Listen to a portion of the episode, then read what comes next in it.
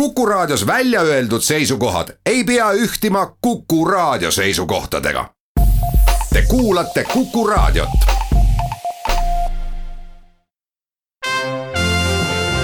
Tallinna Filharmoonia esitleb Filharmooniline huvitaja tere päevast, head kuulajad täna me räägime kontserdist, mis on Tough Clubis ülehomme õhtul kell kaheksa ja mis võiks olla toredam, kui tervitada keset päeva Eesti ühte ägedamat džässmuusikut, Jaak Sooäär, tere tulemast! tervist! kontsert ongi siis äh, Sooäär Kruglov kvartett ja laval on ka Mihkel Mälgan, Tanel Ruben ja pealkiri on Tšaikovski, olgu teile juba ette, head kuulajad, ärgituseks öeldud, et jah, me räägime Tough Clubi kontserdist, mis on džässklubi ja kontserdi pealkiri on Tšaikovski, väga intrigeeriv. aga Jaak Sooäär, ma ei saa saa jätta küsimata, miks on kitarr teie jaoks maailmas kõige parem pill? no ilmselt on niimoodi, et äh, mingid asjad on määratud või nagu õiged, et ma tegelikult äh, mulle meeldis kitarr juba väga väiksest peale, et ma mäletan äh,, vaatasin telekast, et elektrikitarr mängis ja minu esimene võib-olla ikkagi nagu suurem iidol oli Andres Põldro, kes mängis Rock Hotellis ja kes on tegelikult ju üks Eesti muusikaajaloo ägedamaid äh, kitarriste kindlasti. ja tookord äh, veel kitarri õppida ei saanud lastemuusikakoolis, nii et mina olen alustanud tegelikult akordioniga ja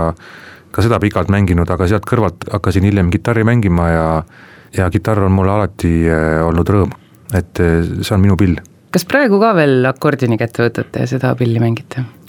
võin võtta, mul ei ole selle vastu midagi, aga, aga ma regulaarselt seda ei, küll ei tee. Tšaikovski, selle kavaga te olete ju ka varem esinenud, juba talvel Džässkaarel oli ja suvel oli Haapsalus väga lüürilise pealkirjaga džässi äh,, luige Džässijärvel, äkki jah ja?? tegelikult see ilus pealkiri tuli äh, arvustusest meie esimesele kontserdile, äh, mis oligi talvejatsil ja seal oligi siis selline see arvustaja oli pannud sellise pealkirja ja see oli nii kena, et äh, mõtlesime, et äh, kasutame seda ja pole välistatud, et seda võiks nagu ka plaadi pealkirjaks panna tegelikult, sest et äh, me praegust just nüüd oleme ka stuudios ühtlasi Eesti Raadios ja salvestame selle Tšaikovski kava ära see nädal ka aga nüüd see ülehomne kontsert, seal on ainult Tšaikovski pealkirjaks, kas siis midagi on neist teemadest kaduma läinud, kas midagi on muutunud, miks nii? seda otsustavad kontserdikorraldajad, et mis nad panevad. Ja, ja ma arvan, et eh, nii on. Ja sobib, aga tore, et see Tšaikovski seal on, et seda me tõesti mängime seal noh, terve, terve kava ja et noh, kui oleks lihtsalt meie nimed või et siis võib-olla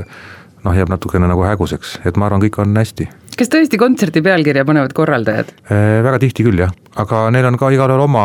arusaam ja sihtgrupp ja räägime Aleksei Kruglovist, kuidas te kohtusite, te olete juba aastaid koos mänginud, kuidas te kohtusite ja milliseid radu ta on käinud, öelda tema kohta ainult saksofonimängija on ju selgelt vähe. Jah, ta on väga huvitav tüüp, kokku me saime niimoodi, et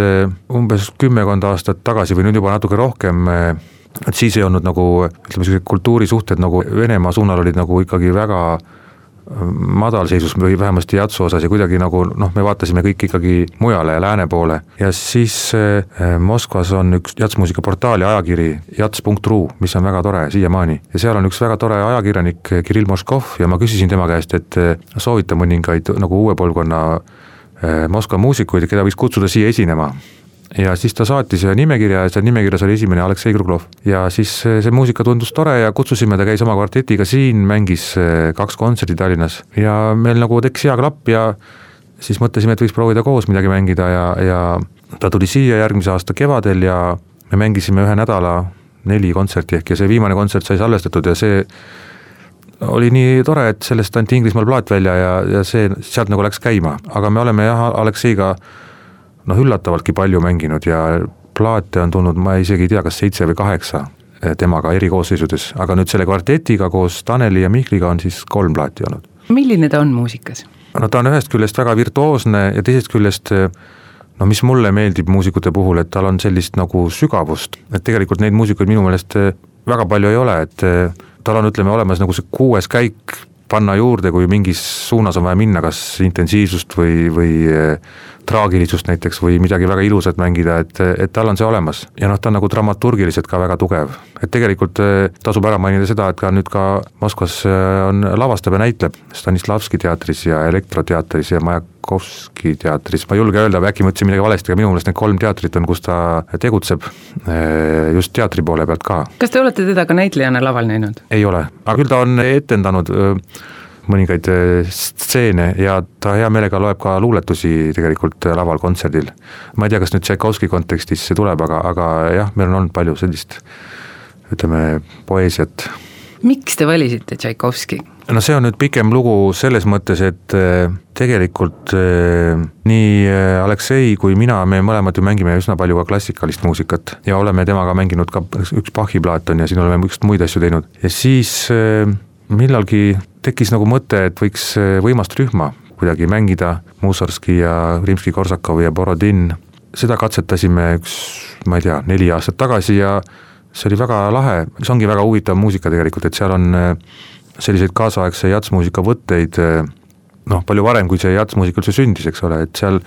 väga loomingulised tüübid olid need Venemaal. Ja tegime selle plaadi ja mängisime noh, peaaegu nagu partituurist umbes kõik maha lihtsalt, mis seal oli, aga lihtsalt teises kontekstis ja improviseerisime juurde ja see osutus väga toredaks ja ka populaarseks ja salvestasime plaadi, mis müüdi Venemaal läbi ja tehti lisatiraaž lausa. Ja kui oli näha, et see läheb hästi, siis see, plaadifirma mees oli ükskord siin Tallinnas ja siis noh, ütles, et noh, mis siis järgmiseks, siis ma ütlesin, et noh, teeme siis Tšaikovskit, et sealt nagu noh, ajalooliselt ütleme nagu järgmine, kes tuli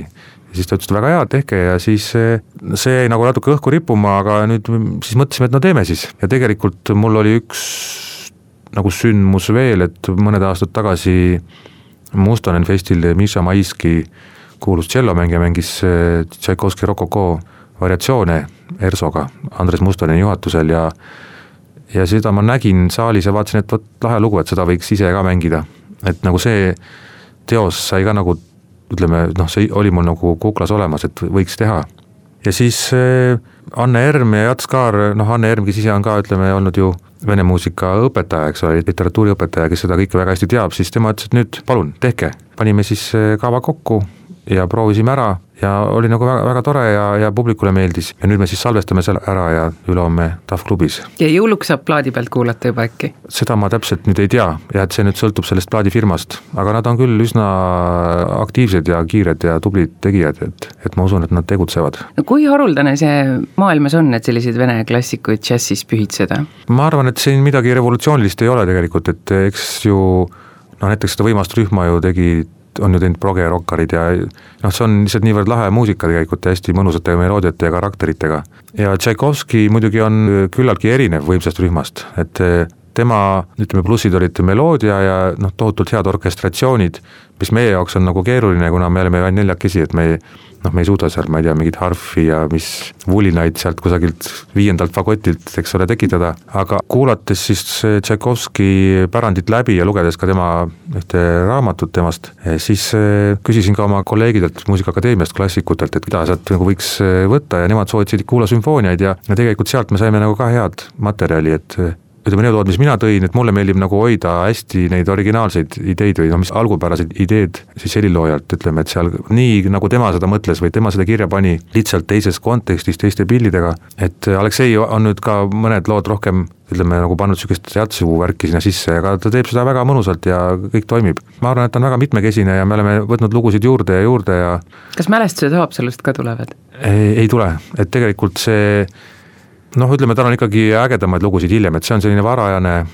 romantiline, et, et ma arvan, et võtame ikka seda, mis on nagu kõige kihvtim, kuigi see tõesti, see Eestiga seotud on ju noh, mingis mõttes nagu väga äge kui te võtate nüüd selle Tšaikovski muusika, kas see pigem on nii, et te kasutate seda sellise inspireeriva mõnusa hüppelauana, et teha oma sinna juurde või mängite seda, mis on suuremaks ja püüate sellega edasi minna, mis juba on? ma arvan, et me ikkagi pigem mängime seda, mis juba on, et see on lihtsalt noh, see on väga hea muusika ja mulle meeldib mängida head muusikat, et miks mängida mingit keskpärast, kui on olemas ka hea. ja seda head on ju olnud ju juba ju sajandeid, et tegelikult kui me hakkame süvenema, mis on toimunud muusikaajaloos, siis väga palju, mis tänapäeval võib-olla on isegi uudne ja jällegi siin keegi midagi mõtleb välja, et väga palju sellest on olnud ju olemas juba ammu-ammu ja ammu enne Tšaikovskitki, et et ja minu meelest tasub ikkagi mängida head või kõige paremat, ütleme niimoodi. ja sealt Tšaikovskist ikka leiab. mida te ütlete inimesele, kes ei tea kippu ega kõppu Tšaikovski muusikast ja tuleb teie kontserdile, siis mis teda ootab? no ma arvan, et neid inimesi ei ole, kes teda üldse ei tea. äkki ikka üks on? et tema meloodiad on tõesti ikka igal pool olnud ja noh, tahes või tahtmata kindlasti need on kuidagi sööbinud kusagile, aga mina arvan, et kes tahab ilusat muusikat kuulata ja sellises natuke vabameelses võtmes ja ütleme sellises ikkagi noh, ma arvan, et jatsmuusika nagu see plusspool on see energia, et ütleme, see on ikkagi nagu elus muusika ja see toimub koha peal ja, ja üldiselt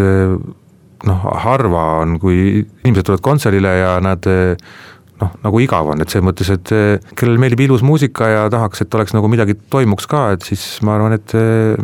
see võiks õnnestuda ülehomme. kas nalja ka saab? Eh, vot naljaga on niimoodi, et seda nagu